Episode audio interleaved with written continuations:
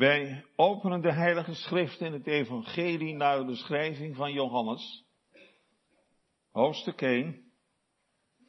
En we lezen de versen 35 tot en met 52.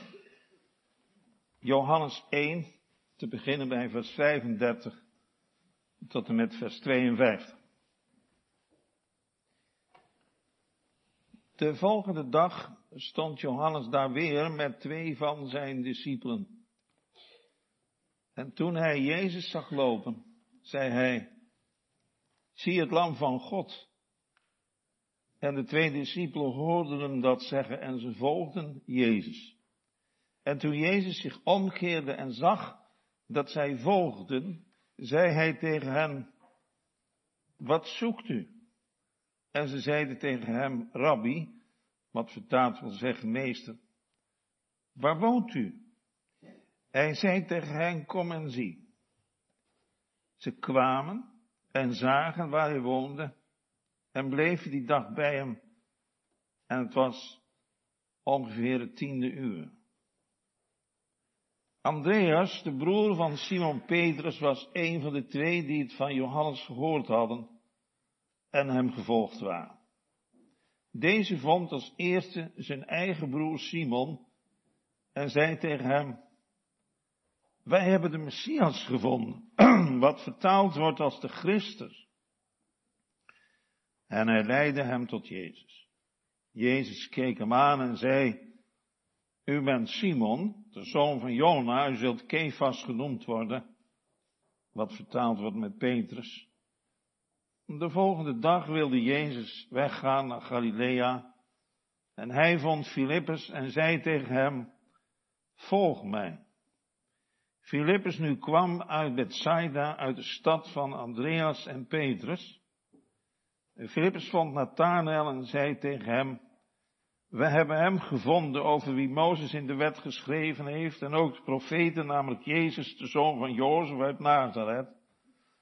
En Nathanael zei tegen hem, kan het Nazareth iets goeds komen? En Filippus zei tegen hem, kom en zie. Jezus zag Nathanael naar zich toe komen en zei over hem, zie werkelijk een Israëliet en wie geen bedrog is. Nathanael zei tegen hem, van waar kent u mij?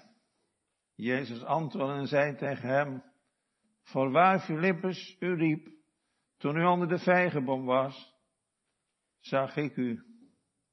Nathanael antwoordde en zei tegen hem, Rabbi, u bent de zoon van God, u bent de koning van Israël. Jezus antwoordde en zei tegen hem, omdat ik tegen u gezegd heb, ik zag u onder de vijgenboom, gelooft u. U zult grotere dingen zien dan deze. En hij zei tegen hem, voorwaar, voorwaar, ik zeg u allen, van nu af zult ge de hemel geopend zien en de engelen naar God opklimmen en neerdalen op de zoon des mensen. Amen. Tot zover de schriftlezing. De tekstwoorden vindt u in dit schriftgedeelte de versen 35 tot en met 50. En we schrijven boven onze woorden het volgen van Jezus. En we gaan eens luisteren hoe de Heer nu verschillende mensen roept en op welke manier dat, dat gebeurt. En we proberen ook steeds ons eigen leven daaraan te toetsen. Gemeente, wie achter mij wil komen, die verloochenen zichzelf, die nemen zijn kruis op en die volgen mij. Ik denk dat bijna iedereen in de kerk wel zal horen wie deze woorden heeft gesproken. Het zijn de eigen woorden van de Heer Jezus Christus. Hij die de waarheid zelf is. Hij die het vlees geworden woord is. Als er één is die kan weten wat het volgen van hem inhoudt, is het Jezus wel geweest. Dus we dienen zijn woorden uiterst serieus te nemen. Jezus wil dat wij zullen horen naar zijn stem. Want door naar hem te horen komt het tot volgen. Dat is een cruciaal moment in het leven van een zondaar. Om te komen tot het volgen van Jezus. En daar gaat het nu vanmorgen nadrukkelijk over. Het schriftgedeelte dat we zojuist hebben gelezen en dat is u waarschijnlijk ook wel opgevallen, is daar helemaal vol van. Vol van het volgen van Jezus. En hoe dat eraan toe gaat, maakt al direct het verschil. Bij de een gaat het zus en bij de ander gaat het zo. Maar laten we duidelijk zijn wat de bedoeling is van de prediking van morgen. In de eerste plaats is de prediking bedoeld voor al diegenen onder ons die hier zitten en die met ons verbonden zijn, waar dan ook, dat het komt tot een volgen van Jezus. Want de mensen waar het vanmorgen over gaat, die volgden Jezus nog niet. Maar we gaan horen hoe ze ertoe komen. En wat dat dan ook in de praktijk van hun leven gaat uitwerken. En dan is het zo prachtig dat de Bijbel al direct die verschillen laat horen en zien. En daarom zei ik aan het begin van de prediking, laten we nu onze harten er maar naast leggen. Ik zal proberen, dat zeg ik ook tegen de kinderen en tot de jonge mens, heel eenvoudig te preken. Want ik word beheerst door maar één gedachte. Mijn schapen horen mijn stem en volgen mij. En die schapen, dat zijn niet alleen die grote volwassen schapen, maar dat zijn ook die lammies, die nog maar net geboren zijn. Zij volgen het spoor van hun moeder. En de moeder volgt het spoor van de herder. Om dan vanmorgen zo in de prediking meegenomen te worden. Als moeders, als vaders, als kinderen en als kleinkinderen. Dus dat het tot een volgen komt. Maar dan ook hoe dat volgen verloopt. We hebben er samen van gezongen. En nu we met deze gedachten geconfronteerd worden, dan luister je ook al direct weer anders naar zo'n psalm. Ik zet mijn treden in uw spoor. Opdat mijn voet niet uit zal glijden, wil mij verstruikelen bevrijden. En ga mij met uw heilicht voor. Ik roep u aan. Ik blijf op u wachten. Kijk, dat volgen, dat heeft gevolgen. Dat merk je direct, hè. Blijf op u wachten. Opdat Heer mij altoos redt. Ach, luister dan naar mijn gebed. En neig uw oren tot mijn klacht. Het geeft al direct aan dat dat volgen van Jezus niet zonder moeite gaat. Maar dat het gaat met vallen en opstaan. Jezus spreekt daar toch zelf over. Zo zijn we begonnen. Met het verloochenen van jezelf. En het dragen van het kruis. Ja, maar zeg je nou, als het dan zo moet, dat trekt me nou eigenlijk niet zo erg aan. Laat maar. Ja, maar als het van ons zou moeten afhangen, gemeente, dan komt het er vanmorgen niet van. Ik zal het nog sterker zeggen, dan komt het er nooit van. Want er is niemand die God zoekt. Nog niet tot één toe. Dat is een ontzettende realiteit. Maar hij zoekt ons. Vanmorgen ook weer met deze woorden. Kijk eens, hier zitten we. Hebben u dat aan uzelf te danken of hebben u dat aan de Heer te danken? Hoeveel zijn er niet vandaag die niet naar Gods huis gaan? Wat heeft de Heer ons dan al daarin bijzonder gedacht? Welzalig die gij hebt verkoren Die guit al het aards gedruis doet naderen en uw heilstem horen. Ja, wonen in uw huis. God maakt verschil waar geen verschil is. En u begint de geschiedenis van het volgen van Jezus zo. Johannes de Doper bevindt zich met twee van zijn discipelen in de plaats Bethabara bij de Jordaan. En Jezus is daar een dag tevoren door Johannes de Doper gedoopt. Toen was Jezus speciaal met die doop gericht naar Johannes toegekomen. Maar nu loopt Jezus daar kennelijk in de omgeving van die plaats zomaar te wandelen, zouden wij zeggen. En Johannes ziende op Jezus daar wandelende, staat er in vers 36. En dan, dan lezen we hoe Johannes op Jezus ziet. Jezus, of Johannes ziet Jezus wandelen.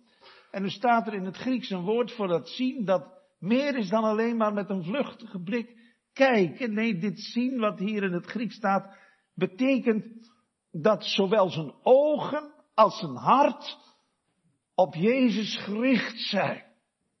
We zouden het zo kunnen zeggen, hij ziet niemand dan Jezus alleen.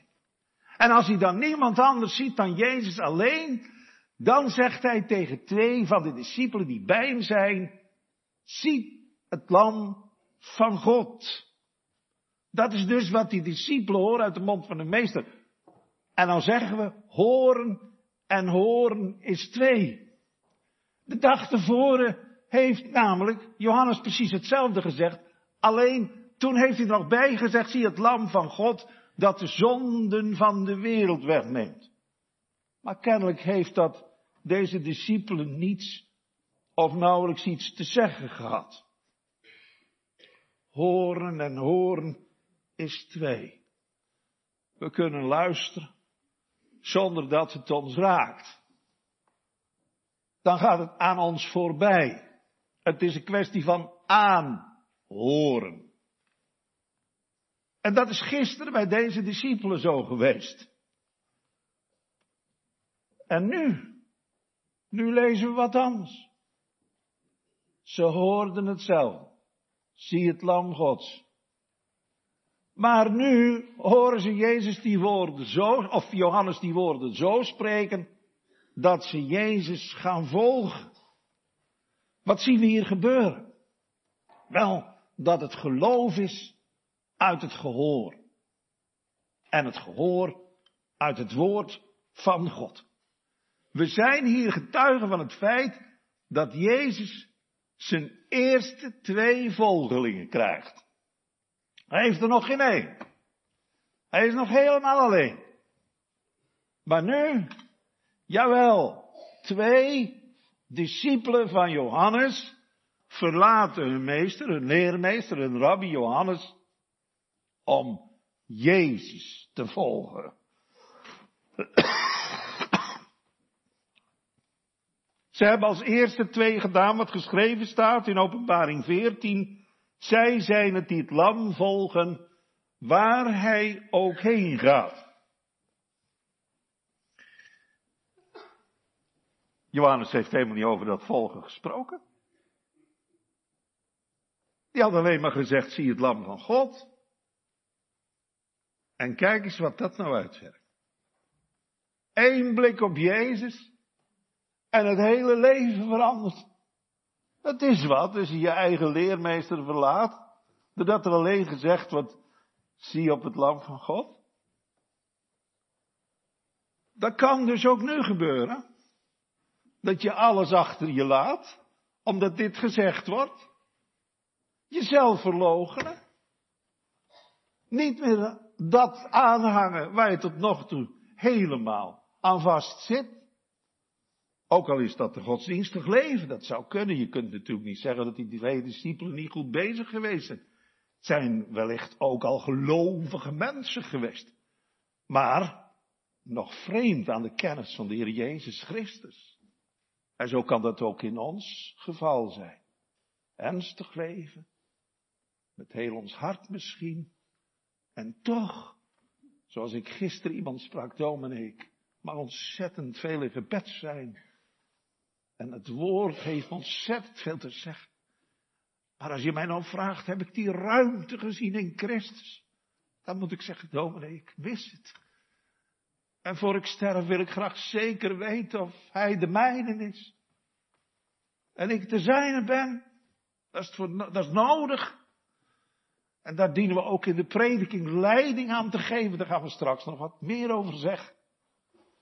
Maar oh, het geloof is uit het gehoor. Dus als je nu al afhaakt, bij wijze van spreken, zeggen, ja, dat heb ik nou al zoveel keer gehoord. Ik, ik ga aan andere dingen denken. Nee, heren, neem me gevangen. We hebben er samen om gebeden. Onder de kracht en de majesteit van uw getuigenis. Want dit woord bedoelt uw en jou en mijn behoud. Het eeuwige leven is eraan verbonden. Ze volgen Jezus. En Johannes is er blij mee geweest.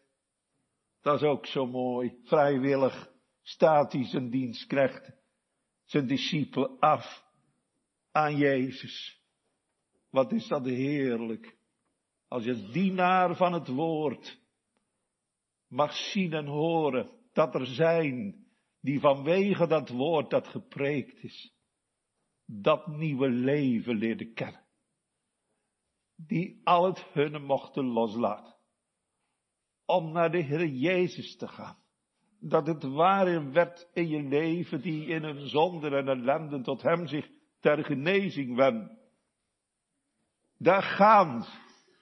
En Johannes heeft ze met vreugde nagekeken. Lieve jongens, wat zul je het goed hebben.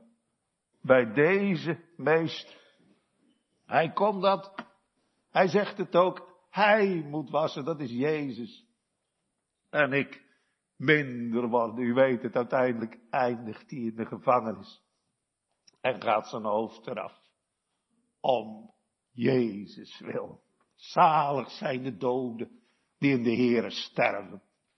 En hun werken volgen hun na. En nu volgen deze mensen.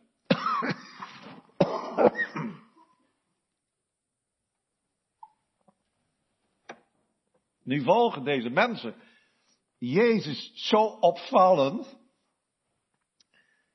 dat Jezus achterom, achterom kijkt. Hij keert zich om. Jezus ziende staat. Dat is een tegenwoordig deelwoord. Dat betekent dat hij nadrukkelijk naar ze kijkt. Hij houdt ze in de gaten. En hij ziet, hé, hey, die mannen lopen achter mij aan. En vandaar dat hij ook tegen hen zegt, wat zoekt gij?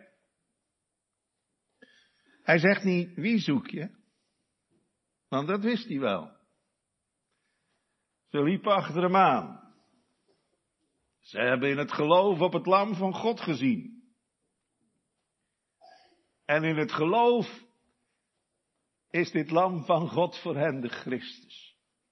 De Zoon van God. En daarom hebben ze meester Johannes de Doper verlaten. Maar nu dus die vraag van Jezus, wat zoekt gij? En dan is dit het antwoord. Rabbi. Dat betekent meester. Waar woont gij? Let op het eerste woord rabbi. Meester. Dat betekent dat ze zich al onder het gezag van Jezus weten. Hij is een leermeester geworden. Ze hebben inderdaad definitief afscheid genomen van Johannes. En nu willen ze geleerd worden door de Heer Jezus. Dat is een kenmerk ook van het nieuwe leven. We worden begeerig om naar zijn stem te horen. Wat is het rijk, hè, als je onder de prediking je meester hoort spreken.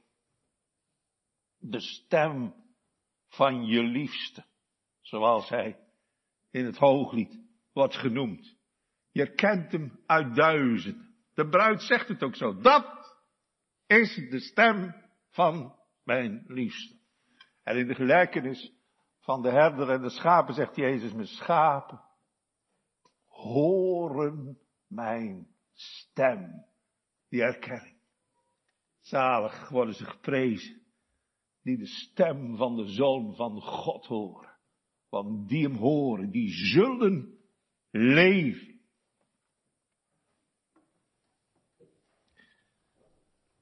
Waar woont u? Ook weer zo'n merkwaardige gang van zaken. Jezus zegt, kom maar ziet. Ga maar met me mee. Dan zul je het zien.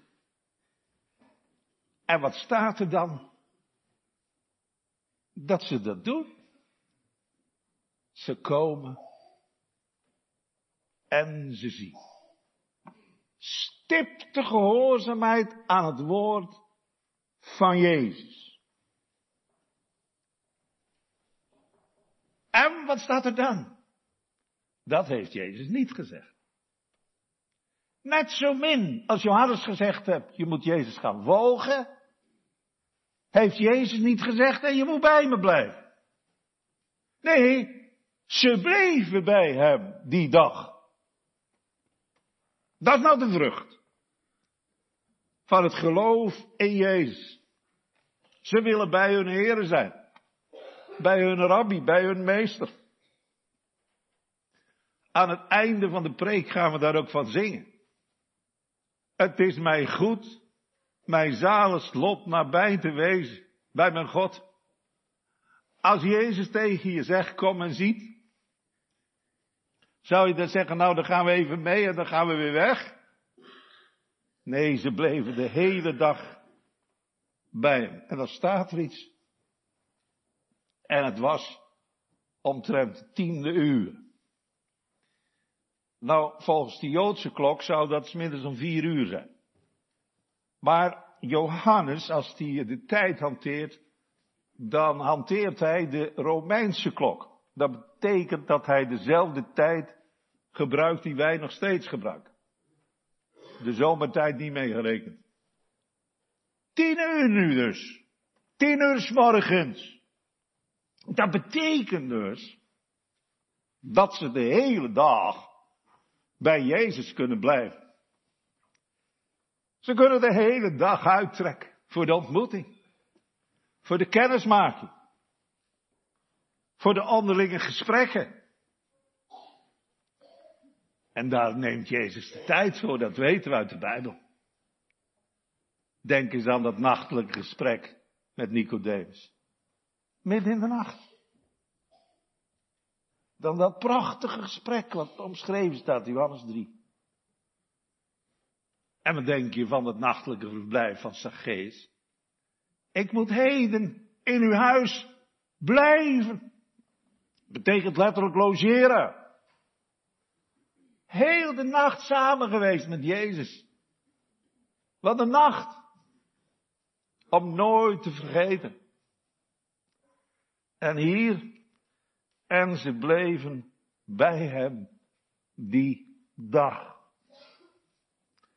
Vandaar dat hier dat tijdstip zo nadrukkelijk genoemd wordt. Het was omtrent de tiende uren. En dan gaan we naar ons eigen leven toe. Weten we nu van die tiende uren af? Dat zijn die momenten, gemeente, die je van zijn levensdagen niet vergeet. Momenten, dit is een hele dag geweest. Voor Zacchaeus was het een hele nacht. Voor Nicodemus was het een hele nacht.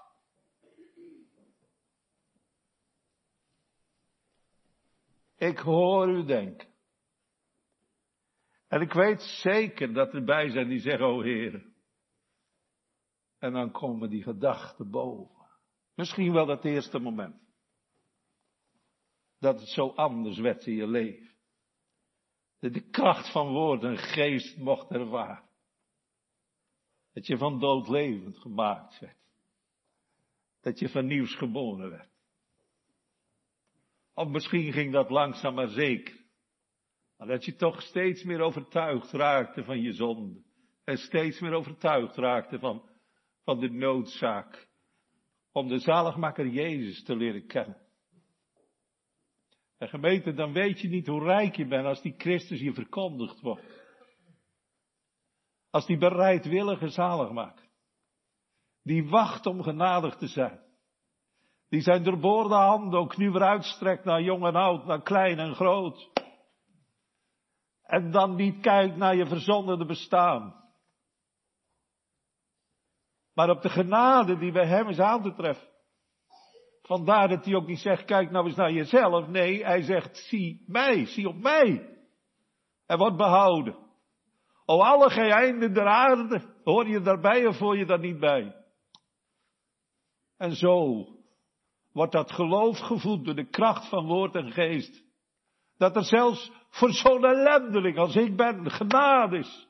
Voor de grootste der zondaren, zoals de apostel Paulus daarvan spreekt. Mij, de grootste der zondaren, de voornaamste der zondaren, is barmhartigheid geschied. En dat evangelie mag in al zijn ruimte klink ook nog in Veenendaal. Die ontmoetingen met de Heer Jezus. Weet u wat de Heilige Schrift zegt? Geen leed.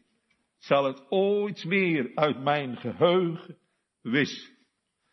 En nu begrijpt u misschien waarom deze dienst begonnen is. Met die heerlijke psalm. Komt, luister toe, gij Godgezinde. Gij die de Heere van harte vreest, hoort wat mij God deed ondervinden. Wat Hij gedaan heeft aan mijn geest. Naarmate ik ouder wordt gemeente, ga ik het steeds meer aan de gemeente vragen. Spreken we met elkaar nog over de Heer Jezus? Welke plaats heeft Jezus in de gemeente van Venendaal? Welke plaats heeft Jezus in u en jou en mijn hart? Waar het hart vol van is, daar loopt de mond van over. U moet eens kijken, drie weken lang moet alle nieuws op Radio 1 wijken voor de Tour de France. Smiddags om twee uur gaan we proberen of je nog wat nieuws kan horen. Je hoort alleen maar de Tour, de Tour, de Tour. En dat gaat s'avonds door, tot een uur of elf toe op de televisie. Het hart is vol. De Alpe dat is de plek van de Hollanders. Bij duizenden staan ze daar de hele dag op een top te wachten om in een flits die hele club voorbij te zien trekken. Hoe beschamend is dat? Wat een trouwe dienaren heeft de duivel. Beelzebul. De vorst der duisternis. En er staat hier een lieve zaligmaker. Gereed om je van al die dwaasheden te reinigen en te verlossen. Kijk, dat is het geweldige van het genadeleven. De Heere rekent af met onze zonde. Door ze te leggen op zijn zoon. Die ze wegneemt. En nu gaat het in het geloofsleven zo. Dat dat meer en meer gestalte gaat krijgen. Hij wordt voor mij steeds groter en heerlijker.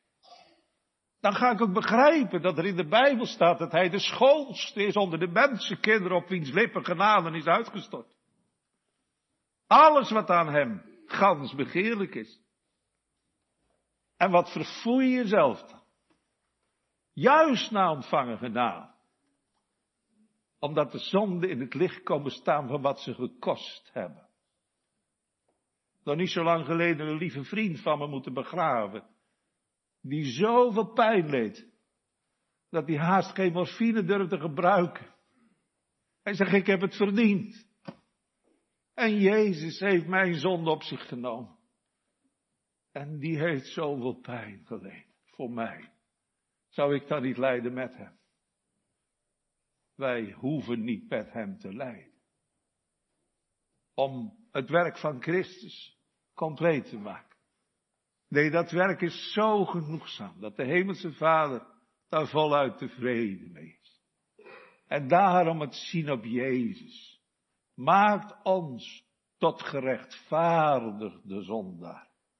Dat wil zeggen dat mijn zonden voor rekening gekomen zijn van de Heer Jezus Christus. En dat ik dan deel heb aan zijn gerechtigheid, aan zijn heiligheid, aan zijn voldoening. Ja, zo volkomen als had ik voldaan hetgeen Christus voor mij voldaan heeft. Kan ik u nog een heerlijker evangelie preken? En ik weet het. Daar is geloof voor nodig. Maar dat is nou wat de Heer probeert door de predikingen te werken in de harten van jong en van oud. Zouden we dan over die naam zwijgen? Kom, laten we nou ook met hem over hem spreken, als wij met hem leven. Nou, we gaan horen wat dit volgen van Jezus tot gevolg heeft. Kijk eens, Andreas, een van die twee die Jezus is gevolgd, die de hele dag bij Jezus is gebleven. Die is zo van die ontmoeting met Jezus, dat hij naar zijn broer gaat, naar Simon. Dat blijkt dan Simon Petrus te zijn, de bekende Petrus, waar het evangelie vol van is. En daar staat er, deze vond eerst zijn broeder Simon. Dat was dus het eerste wat er gebeurde. Daarom zei ik, praten jullie met elkaar nog over Jezus in Veenendaal? Nou, Andreas is het eerste die het doet. Hij gaat naar zijn broer toe. Hij weet dus wie zijn broer is. Hij kent zijn broer. Hij kent zijn broer ook geestelijk. Kennelijk heeft Simon ook uitgezien naar de komst van de Messias. En wat een zegen als we die band met elkaar mogen hebben. Dat was broers en zusters van hetzelfde huis waar we ook van gezongen hebben. Weet hebben van elkaars geestelijk leven. Als we niet alleen een, uh, broer en zuster zijn, maar ook geestelijke banden mogen kennen. En helaas, dat moeten we ook zeggen, is dat vaak anders. Dat we geen geestelijk woord kwijt kunnen. Dat kan heel ver gaan, dat je het niet eens in je eigen gezin kunt. Je eigen familie. Maar hier, hier gaat Andreas direct op zoek naar Simon, zijn broer. En zodra hij hem gevonden heeft, barst hij los. Hij zegt, wij hebben gevonden. En die wij is natuurlijk zijn andere broeder. Wij hebben gevonden de Messias, dat is de Christus, de gezalfde van de Here.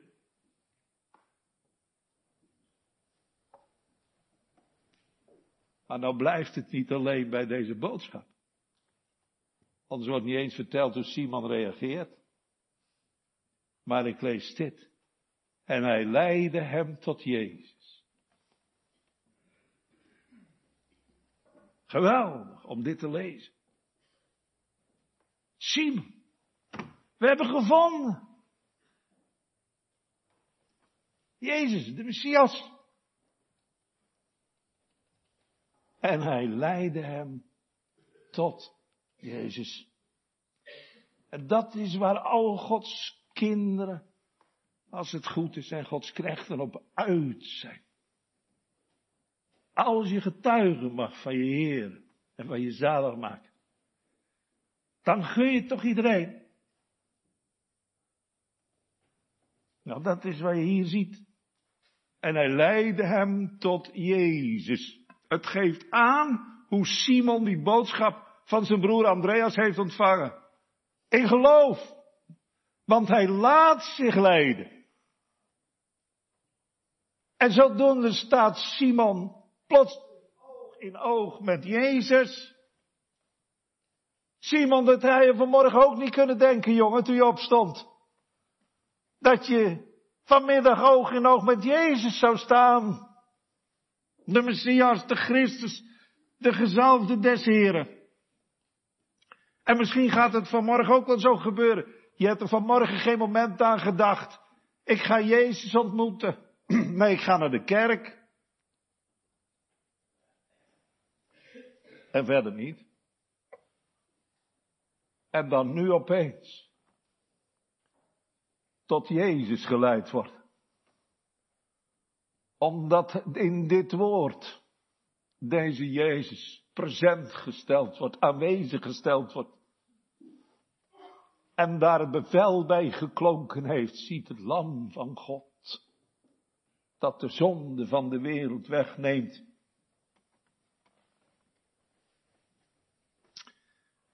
Hij is bij Jezus.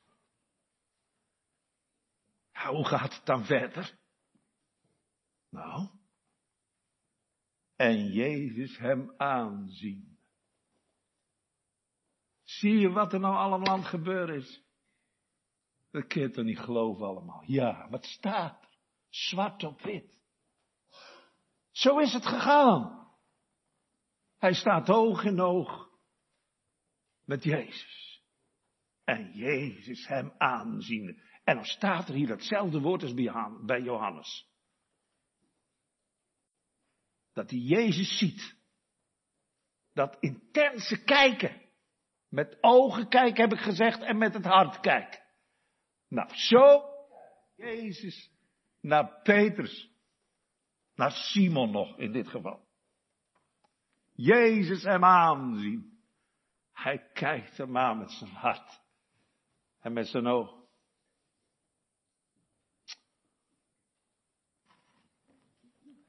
Ik zou haast aan de kinderen willen vragen, hoe denk je nou dat Jezus gekeken? Dat kan toch niet anders als met ogen vol liefde. Hoe zal Jezus nu naar ons kijken? Met ogen die vlammen van toren? Of ogen die belang stellen in ons, allemaal, niemand uitgezonderd. Want hij is niet gekomen om ons te verderven, zegt hij zelf maar om te behouden. En zo kijkt hij naar ons.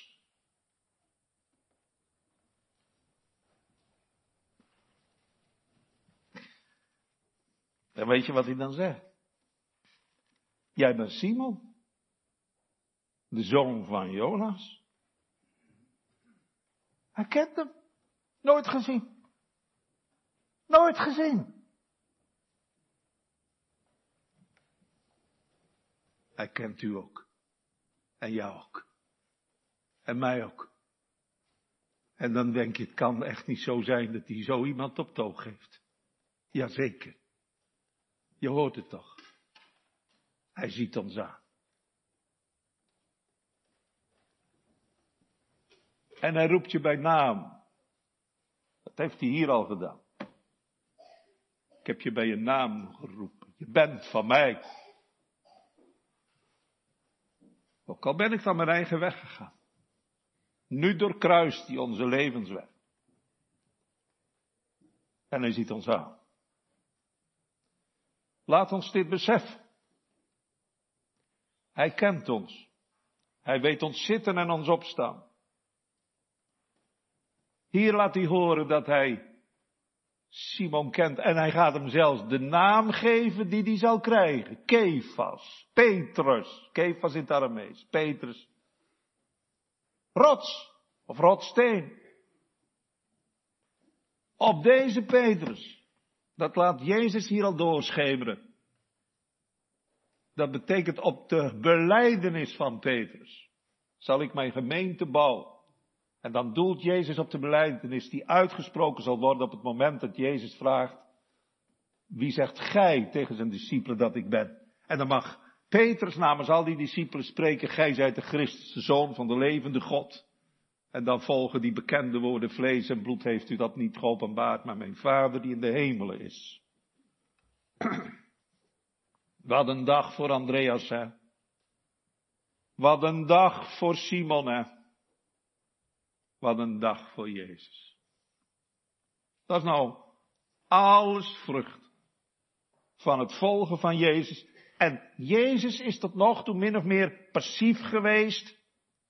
Als het gaat om het zien op Jezus, dat deden die discipelen. Het volgen van Jezus, dat deden die discipelen.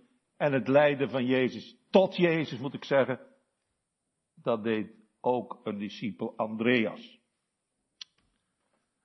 En nu nu gaat het ineens heel anders. Want dan lees ik dat Jezus naar Galilea wil gaan. We krijgen dus een heel andere verhaaltrand ineens. En staat er dan en vindt Filippus, die uit dezelfde stad afkomstig blijkt te zijn als Andreas, En Petrus en Simon dus, dat is niet toevallig. Jezus is doelbewust op deze Filippus afgegaan. En dan zegt Jezus, zonder dat er ook maar enige toelichting op wordt gegeven, volg mij. Nou, zo kan het dus nu ook zijn, hè. Zonder enige toelichting wordt hier gezegd dat Jezus naar Venendaal toe gaat. Naar de Vredeskerk. En zegt, volg mij. Heden indien gij zijn stem hoort. Verhard u niet, maar laat u leiden. Geloof zijn heil en troost woord. Filippus gehoorzaamt. Wat een woord van Jezus, hè. Als hij zegt kom, dan kom je. En als hij zegt ga, dan ga je. Het is echt een machthebbende die spreekt. Hij hoeft maar te spreken en het is er te gebieden en het staat. Filippus hoort hier de stem van de Zoon van God en die ze gehoord hebben, die zullen leven. En zo wordt Filippus onmiddellijk een volgeling van Jezus.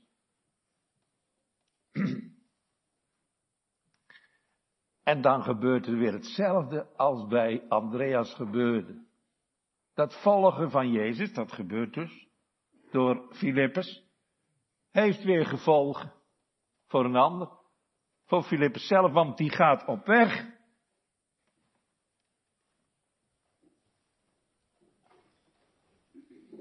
Andreas ging naar zijn broer Simon. En Filippus die gaat naar Nathanael. En uit het vervolg blijkt dat ze elkaar heel goed kennen. En die Filippus heeft ook van de geestelijke gesteldheid van Nathanael afgeweten. Kom ik weer op dat belang, hè, dat we van elkaar weten. In het hooglied staat waar gij de kudde legert in de middag. Dat is toch zo heerlijk als je van elkaar weet hoe de geestelijke vlag erbij staat.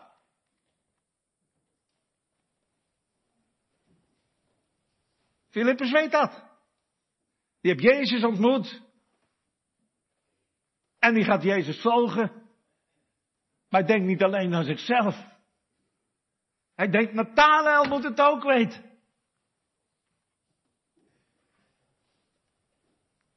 Heb je ook van die adresjes?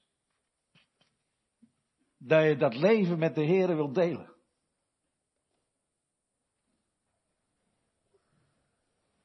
Nou, daar gaat Filippus naar Nathanael. En hij zegt, wij hebben gevonden van wie Mozes in de wet geschreven heeft en de profeten, namelijk Jezus, de zoon van Jozef van Nazareth. En daarmee wil hij hetzelfde zeggen als Andreas gezegd heeft. Wij hebben de Messias gevonden. Alleen hij zegt er het nodige bij. Hij heeft het over de wet van Mozes en de profeten. Hij doet dus een beroep op de schriften. En dat zegt hij tegen Nathanael. Dat veronderstelt dus ook dat Nathanael een man is geweest met de nodige schriftkennis en ook de Messias verwachtte vanuit de schriften, de Oude Testament. Dat kon hij kwijt. Maar ja, nou voegt hij er iets bij. Wie die Messias is. Jezus van Nazareth. De zoon van Jozef. Ja, dat staat niet in de schriften. En dat stuit dan ook op bezwaar.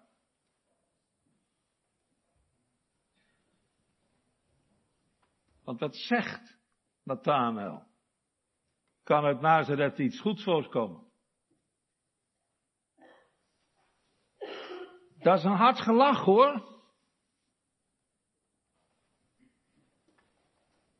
Als je vol bent van hem, en dat was Filippus, dan kun je begrijpen als je op pad gaat naar je vriend Nathanael om te zeggen dat je Jezus ontmoet hebt, die de Messias is. En je wordt gevraagd, kan het Nazareth iets goeds voorkomen? Dat is een domper op de zaak. Ik herken dat ook wel uit mijn eigen leven.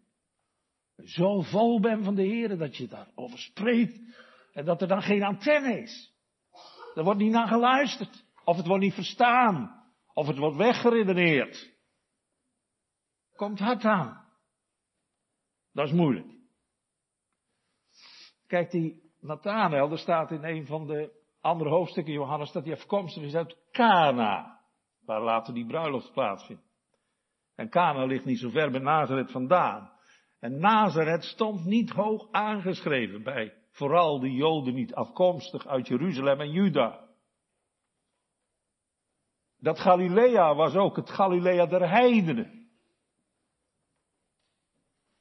Zo werd het genoemd. Nou, dan begrijp je wel dat het niet bepaald hoog aangeschreven staat of stond. En dan bovendien nog uit Nazareth, dat verachte stadje dat zich daar in dat Galilea bevond. En uitgerekend, en dat weten wij allemaal, heeft Jezus daar 30 jaar gewoond. Jezus ging wonen in het meest verachte stadje in heel Galilea.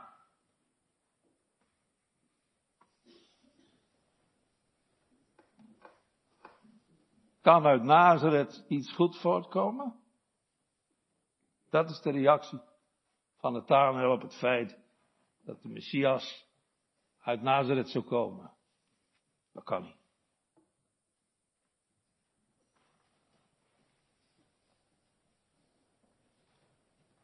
Maar onze vriend Filippus laat zich niet uit het veld slaan. Hij gaat ook niet discussiëren. Nee, hij doet precies hetzelfde als de Heer Jezus gedaan heeft. Hij zegt, kom en zie.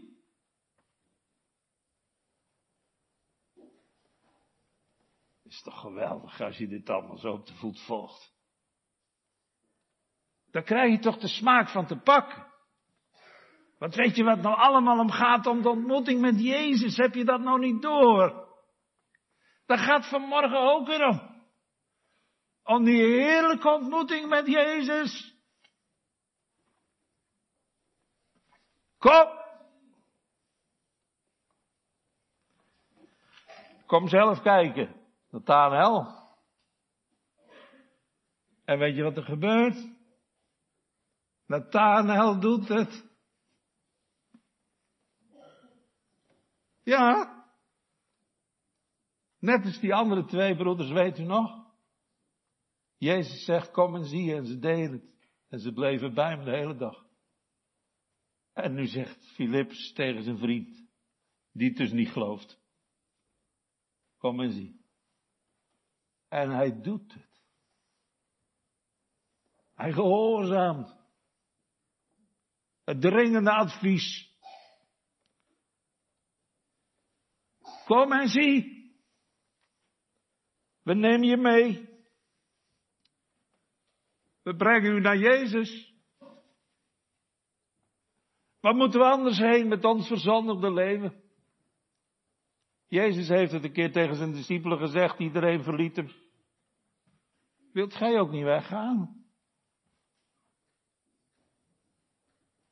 Tot wie zullen wij anders heen gaan? Kom en zie. Gij hebt de woorden van eeuwig leven. Het is wat hè, bij die maar 80, 90 jaar hooguit zijn. Dan is het afgelopen. Dan is het afgelopen. En dan gaan we naar de rechter van hemel en aarde. En dan hier in dit leven deze zaligmaker te kennen. Dat is het eeuwige leven, hier en nu al. Dit weet ik vast, God zal mij nooit begeven, niets maakt mijn ziel verpaard. Ik heb geloof nodig hoor, om dat te zeggen, begrijpt u dat? Kan ook storm in je hart hoor, in je leven. Dat hebben we uit Psalm 17 wel gehoord. Maar oh, als dat geloof aanwezig is. Ja, dan zijn bergen vlak en zeeën droog. O zaligheid niet af te meten, o vreugd, die alle smart verband. Dat. En dan ineens een wending zeg. Kom en ziet. Ja, en dan je natuurlijk weten, wat gebeurt er nou? Wat gebeurt er nou? Nou, nou gaan we naar Jezus toe. Het beeld gaat gewoon naar Jezus toe. En dan lees ik, Jezus zag Nathanael tot zich komen. En hij zegt tegen hem, dus het is de ontvangst, hè? Nathanael kent Jezus niet, net als Philips, ken hem ook niet. En dan komt hij naar Jezus toe. Wat zal dat voor een man zijn? Uit Nazareth kan niks goeds voortkomen, dus kan alleen maar tegenvallen. Zie, waarlijk een Israëliet in welke geen bedrog is. Want dan weet je toch niet waar je hoort. Dus geen woord van Jezus over het ongeloof van het aanhouden. Nee. Ziet waarlijk een Israëliet in welke geen bedrog is. Jezus wist, hoe dan ook, dat het hart van deze man oprecht was voor God.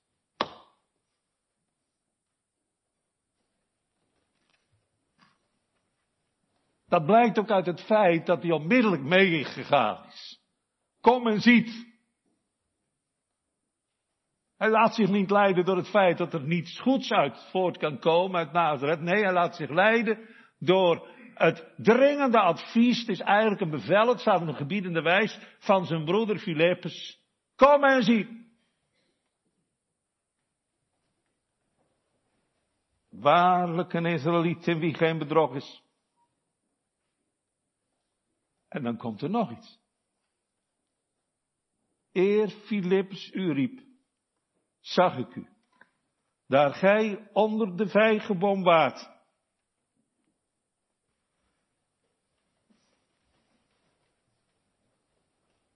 Jezus wist dat Psalm 32 op deze man van toepassing was. Welzalig is de mens in wiens geest geen bedrog is.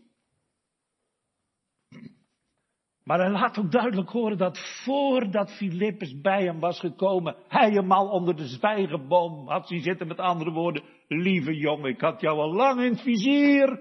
Voor Filippus bij je kwam, wist ik al wie je was. Geweldig hè, vanmorgen. Voor je naar de kerk kwam, wist ik al hoe het met je was. Ik wist het al toen je opstond vanmorgen. En nu sta je oog in oog met me, Nathanael. En dan komt het hoogtepunt van deze geschiedenis. Dit is het eerste wat Nathanael zegt. Kon niks goed voortkomen uit Nazareth. Eer u Filippus ontmoette, zag ik u onder de vijgenboom. Rabbi, zegt hij, meest. Hij stelt zich onmiddellijk onder het gezag van zijn leermeester Christus. Oh, met wat een grote stelligheid wordt hier gereageerd, toch? Dat is nou zijn antwoord. Maar dan, dan gaat hij dit zeggen. Dat hebben we van die anderen niet gehoord. Gij zijt de zoon van God. U bent de koning van Israël. Met andere woorden, u bent de Messias. Een Messias beleidende Jood. Dat gebeurt hier. Zonder twijfel. O, zijn hart is volkomen door de woorden van Jezus ingenomen. En zo gebeurt het nog, mijn lieve gemeente van Veenendaal meegenomen worden in de woorden van Jezus. Ik heb het zelf uit zijn mond gehoord, wat sterveling zou mij schenden. En zo gaat het toe, ook vandaag nog, in het koninkrijk der hemel. En dit is dan de uitkomst, dat zien we bij Nathanael. Ik zal, o Heer, die ik mijn koning noemde, luister van uw majesteit en roem, verbreid en uw goddelijke daad met diepst ontzag aandachtig gadeslaan. Amen.